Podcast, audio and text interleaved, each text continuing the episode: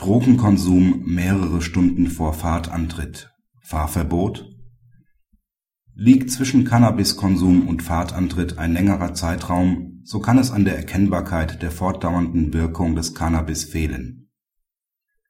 Der Betroffene war vom Amtsgericht wegen fahrlässigen Führens eines Kraftfahrzeugs unter Wirkung von Cannabis zu einer Geldbuße von 250 Euro nebst einem einmonatigen Fahrverbot verurteilt worden er hatte am Tattag um 17:50 Uhr einen Pkw geführt, obwohl die Untersuchung einer ihm entnommenen Blutprobe einen THC-Gehalt von 2,7 Nanogramm pro Milliliter ergab.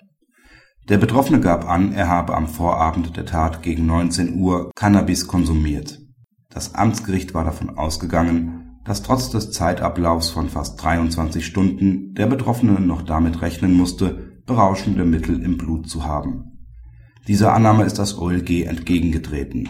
Das OLG verweist darauf, dass die von § 24a Absatz 2 Straßenverkehrsgesetz geforderte Fahrlässigkeit voraussetze, dass der Betroffene die Möglichkeit der fortbestehenden Wirkung des Drogenkonsums bei Fahrtantritt entweder erkannt habe oder jedenfalls hätte erkennen können und müssen.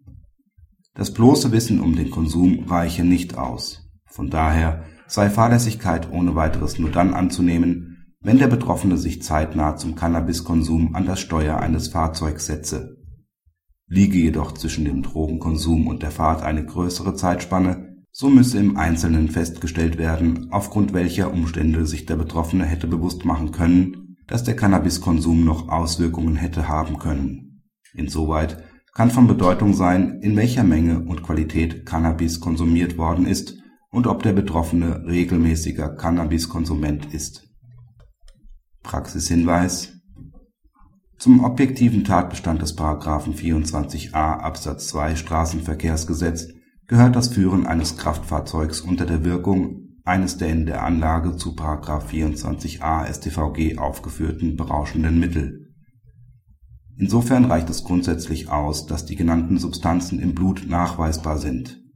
Allerdings führt nicht jede technisch nachweisbare Konzentration zur Verwirklichung des Tatbestands Vielmehr muss eine Konzentration festgestellt werden, die es möglich erscheinen lässt, dass der untersuchte Kfz-Führer am Straßenverkehr teilgenommen hat, obwohl seine Fahrtüchtigkeit eingeschränkt war